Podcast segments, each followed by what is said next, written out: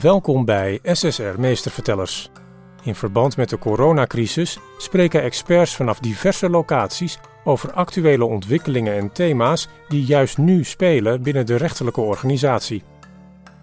In deze aflevering is de gast Brigitte Toebes. Als hoogleraar gezondheidsrecht in internationaal perspectief doet zij onderzoek naar regulering van ongezond gedrag als preventie voor chronische ziekten. Nu we overvallen worden door het COVID-19-virus, stelt ze de vraag: is er een internationaal juridisch antwoord op infectieziekten? In mijn onderzoek kijk ik naar de bescherming van de gezondheid door de bril van het internationale recht en mensenrechten. En ik leg daarbij veel nadruk op preventie. Juni vorig jaar hield ik mijn inaugurale reden Recht in tijden van chronische ziekte. En ik keek vooral naar het reguleren van ongezond gedrag als roken en ongezond voedsel om chronische ziekten als kanker en diabetes te voorkomen. Als je naar de statistieken kijkt, dan zie je namelijk dat verreweg de meeste mensen overlijden aan een chronische ziekte. Dus niet zozeer aan een infectieziekte waar we nu zo bezorgd over zijn. En al lang niet meer alleen onze westerse wereld, maar ook in lage en middeninkomenslanden sterven mensen aan chronische ziekten. Een mondiaal volksgezondheidsprobleem dus. Maar de uitbraak van COVID-19 zette me wel aan het denken. Want deze crisis laat zien dat we naast de niet overdraagbare chronische ziekten ook overdraagbare infectieziekten niet moeten vergeten. Dat ze niet de wereld uit zijn, dat ze ons compleet kunnen overvallen, ons bij de lurven kunnen grijpen en dat ze tot heel veel sterfte kunnen leiden en de samenleving totaal kunnen ontwrichten. Is er dan een internationaal juridisch antwoord op infectieziekten? Dat is er zeker. En je kunt in feite spreken van twee internationale regimes. Enerzijds is er de internationale gezondheidsregeling van de Wereldgezondheidsorganisatie, de WHO, die reguleert hoe landen in samenspraak met WHO moeten reageren op een uitbraak. Ten tweede zijn er de internationale mensenrechten die de belangen en rechten van ons allen beschermen, ook ten tijde van een uitbraak, of juist ten tijde van een uitbraak, en die nauw samenhangen met onze nationale grondrechten. Ik wil over beide regimes iets zeggen en ook over de interactie tussen die regimes. En ik zal mij vervolgens ook toespitsen op de situatie in Nederland. Nou, ten eerste dan die internationale gezondheidsregeling van de WHO. Landen werken al anderhalve eeuw samen als het gaat om de bestrijding van infectieziekten. En sinds de 19e eeuw bestaan er internationale sanitaire regelingen ter bestrijding van infectieziekten. In 1948 werd de WHO opgericht, dus vlak na de oorlog. Het was een tijd van idealisme, geloof in een betere wereld en van de gedachte dat gezondheid een belangrijke pijler is van vrede. Het statuut van de WHO voorziet in de mogelijkheid tot het aannemen van zogenaamde bindende regelingen, dus een soort verdragen zonder dat je de toestemming van de staat nodig hebt. En sinds het bestaan van de WHO zijn er drie sets sanitaire regelingen aangenomen in 1951, een nieuwe set in 1969 en nu dus in 2005. Dus de uitbraak van het coronavirus wordt gereguleerd door de recente internationale gezondheidsregeling, aangenomen in 2005 en sinds 2007 bindend voor ongeveer alle landen ter wereld. Deze nieuwe regeling is um, vergeleken met de vorige regelingen innovatief vanwege haar open formulering. De regeling richt zich niet meer op een beperkt aantal ziekten, maar er is een zogenaamde all hazards approach. Alle bedreigingen van de volksgezondheid vallen eronder, dus niet alleen een beperkt omschreven lijst van ziekten. Dus ook een terroristische aanslag met anthrax of een lek van chemische stoffen, mits er sprake is van een bedreiging van de volksgezondheid. Dat hebben we eigenlijk nog niet zo aan de hand gehad, die laatste gevallen, maar het biedt wel perspectieven voor de toekomst. Hoe zit die regeling in elkaar? Laat me er een paar dingen uitlichten. Ten eerste de zogenaamde core capacities. Volgens mij heel belangrijk en wordt niet veel over gesproken. Landen dienen dus kerncapaciteiten te hebben. Ze dienen de infrastructuur van de zorg op orde te hebben, opdat ze goed kunnen reageren op een uitbraak. Nederland scoort goed als het gaat om die kerncapaciteiten volgens de WHO. Maar we zien nu toch ook dat tekorten heeft aan medische hulpmiddelen. IC-bedden, mondkapjes, handschoenen enzovoorts. Dat lijkt me iets om nader uit te zoeken en ik kom er straks ook nog even op terug. Ten tweede is er de verplichting van de WHO om binnen 24 uur na een verdachte uh, uitbraak de WHO formeel op de hoogte te stellen. De WHO onderzoekt vervolgens de uitbraak in het land en kan dan formeel verklaren dat er sprake is van een dreiging van de volksgezondheid van internationaal belang. Sinds de nieuwe regeling heeft een dergelijke situatie zich een zestal keer voorgedaan. Bijvoorbeeld ebola in West-Afrika in 2014, Zika in Zuid-Amerika in 2016 en nu dus COVID-19 in China. Als er dan volgens de WHO formeel sprake is van zo'n dreiging, dan doet de WHO vervolgens een aantal tijdelijke aanbevelingen aan het betrokken land. En het betrokken land dient die op te volgen en samen te werken met de WHO om de uitbraak in te dammen. Dit is ruwweg de procedure en het is belangrijk te observeren dat de WHO geen sanctiemiddelen ter beschikking heeft als een land niet voldoet aan haar verplichtingen. Nu kom ik op een heikel punt, want hoe is die samenwerking met China nou verlopen? President Trump doet er alles aan om China en de WHO in een kwaad daglicht te plaatsen.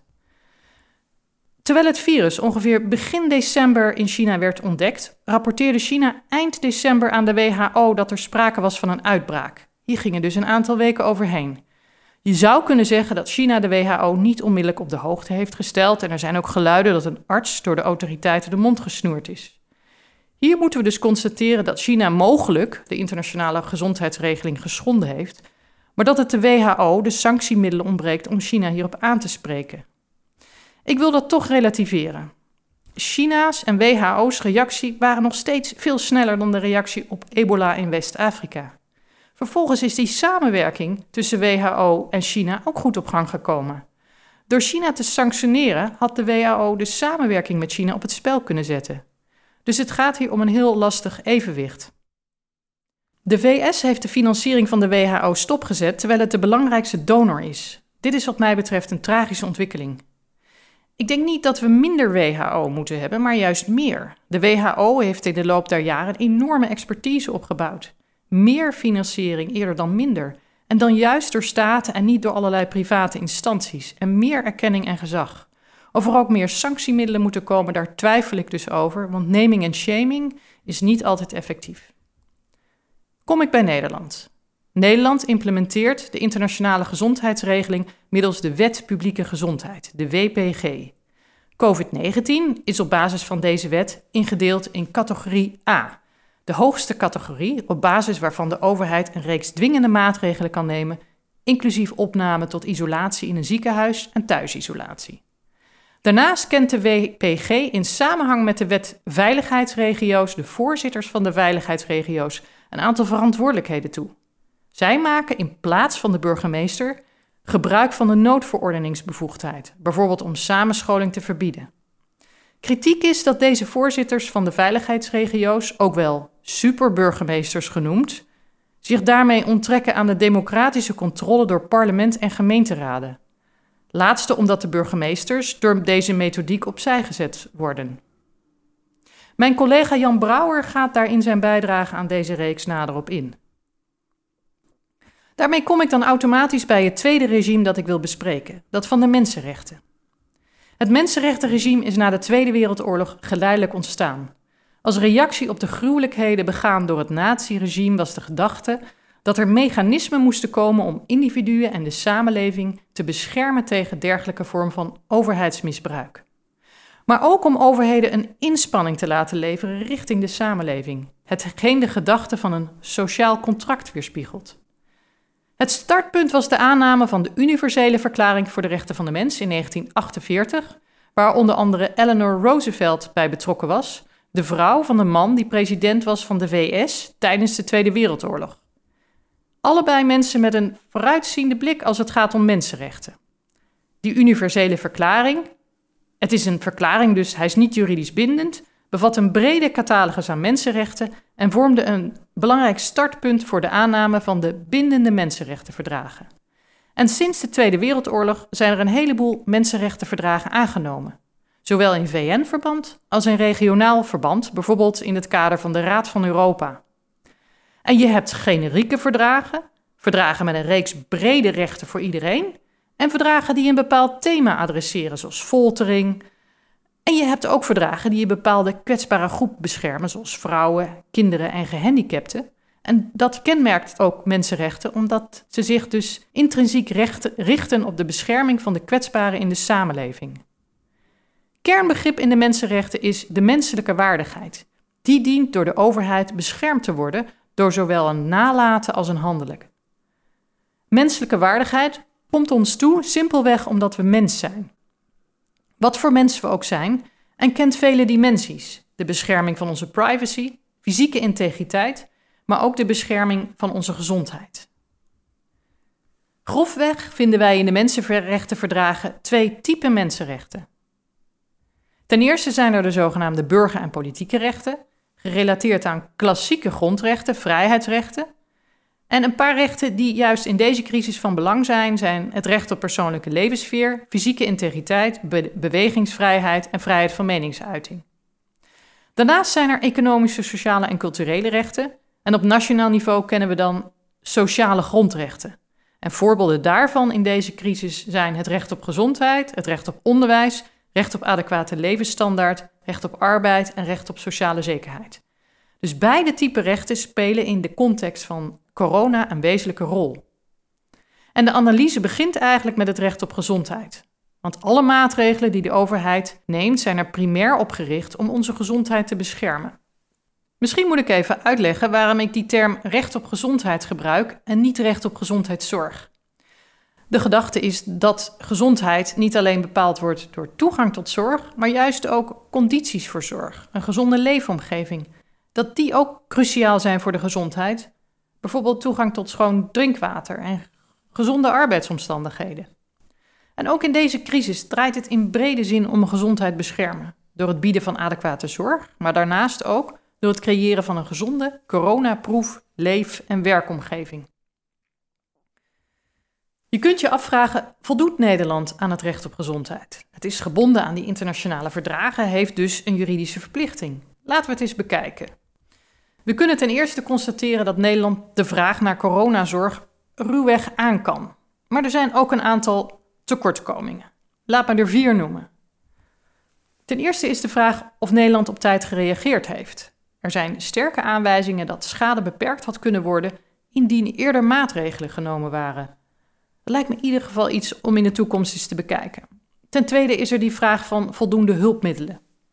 Er zijn tekorten aan IC-bedden, IC-medicijnen, mondkapjes enzovoort. Een signaal dat Nederland niet goed voorbereid was. En in dat verband vraag ik mij dan ook af of Nederland nou wel voldeed aan die voorwaarden van de kerncapaciteiten onder de internationale gezondheidsregeling. En een brede, bredere kritiek die in dit verband wel hoort, is dat door de introductie van marktwerking in de zorg ons stelsel te efficiënt is geworden. Het systeem staat te scherp afgesteld en dat zou dan leiden tot die tekorten. Veel reguliere zorg is ten derde in de crisis op de lange baan geschoven. Soms geen probleem, maar zal ook leiden tot uitstel, die mogelijk tot gezondheidsschade leidt. Kunnen we natuurlijk later pas goed over oordelen, lijkt me. Dan de kwetsbaren in de zorg, ten vierde. En hier komen toch vooral de mensen in de verzorgingstehuizen in beeld. Een hoge besmettingsgraad, ook onder het personeel, veel sterfte en tegelijkertijd worden deze mensen geïsoleerd en van hun dierbaren afgesloten. Duivelse dilemma's die veel vragen oproepen, ook voor de toekomst. In feite gaat het dus in de coronacrisis om het balanceren van waarden en rechten. Want om dat recht op gezondheid optimaal te garanderen, dient de overheid een heleboel andere rechten te beperken. Ten eerste moeten we economische en sociale rechten beperken, als recht op goede levensstandaard, recht op onderwijs. Worden groepen mensen in armoede gedreven? Hebben kinderen te weinig onderwijs genoten? Er is veel onduidelijkheid over hoe dit af te wegen, ook vanuit mensenrechtenperspectief. Ten tweede leidt de bescherming van de gezondheid tot een beperking van burger- en politieke rechten. In het bijzonder recht op privacy, recht op bewegingsvrijheid, de vrijheid van vereniging en vergadering en de vrijheid van meningsuiting. Hoe doet Nederland dat laatste nou? Dat beperken van die burger- en politieke rechten. Hierbij is het goed om onderscheid te maken tussen twee manieren om uitoefening van burger- en politieke rechten te beperken. Er is een radicalere manier door middel van het derogeren van rechten als geheel en er is een mildere vorm, door middel van het beperken van specifieke rechten. Een vijftiental Europese landen heeft ervoor gekozen de noodtoestand uit te roepen, waarmee ze in beginsel kunnen derogeren. Burger- en politieke rechten, juist de rechten die zo cruciaal zijn in deze crisis, kunnen compleet opzij gezet worden. Dus recht op privacy, bewegingsvrijheid, vrijheid van meningsuiting. Ik vind dit een zorgelijke stap. Neem nou het compleet opzij zetten van de vrijheid van meningsuiting. Het is juist belangrijk dat artsen, journalisten en anderen de vrijheid hebben om hun zorgen te uiten. Nederland derogeert dus niet van mensenrechten, maar kiest juist voor een systeem van het beperken van individuele rechten. Dus dat betekent dat je meer per situatie moet bekijken of een recht kan worden beperkt. Er zijn dan ook wat voorwaarden. Er dient sprake te zijn van een basis in de wet. En hoe zit dat dan met die noodverordeningen? Noemen we dat nog wettelijk? Ook dient er sprake te zijn van een legitiem doel. En onder verdragen is de bescherming van de volksgezondheid een legitiem doel. Dus dat zit wel goed. Het beginsel proportionaliteit komt hier ook in beeld. De vraag of het doel de middelen heiligt. Dus vormt de beperking van onze bewegingsvrijheid bijvoorbeeld het juiste antwoord op de uitbraak? Of gaat het te ver? Dat zijn hele lastige afwegingen. Maar dit systeem van constant wegen wekt bij mij toch meer vertrouwen dan het in één keer opzij zetten van rechten. Ik denk dat we na de crisis pas echt goed de balans kunnen opmaken van de wijze waarop rechten beperkt zijn en of dat binnen de marges geweest is. Laten we vooral niet te snel oordelen en ook mild zijn in deze onzekere tijden. Dit was SSR Meestervertellers. Wilt u op de hoogte blijven? Abonneer u dan op onze podcast. Graag tot een volgende keer.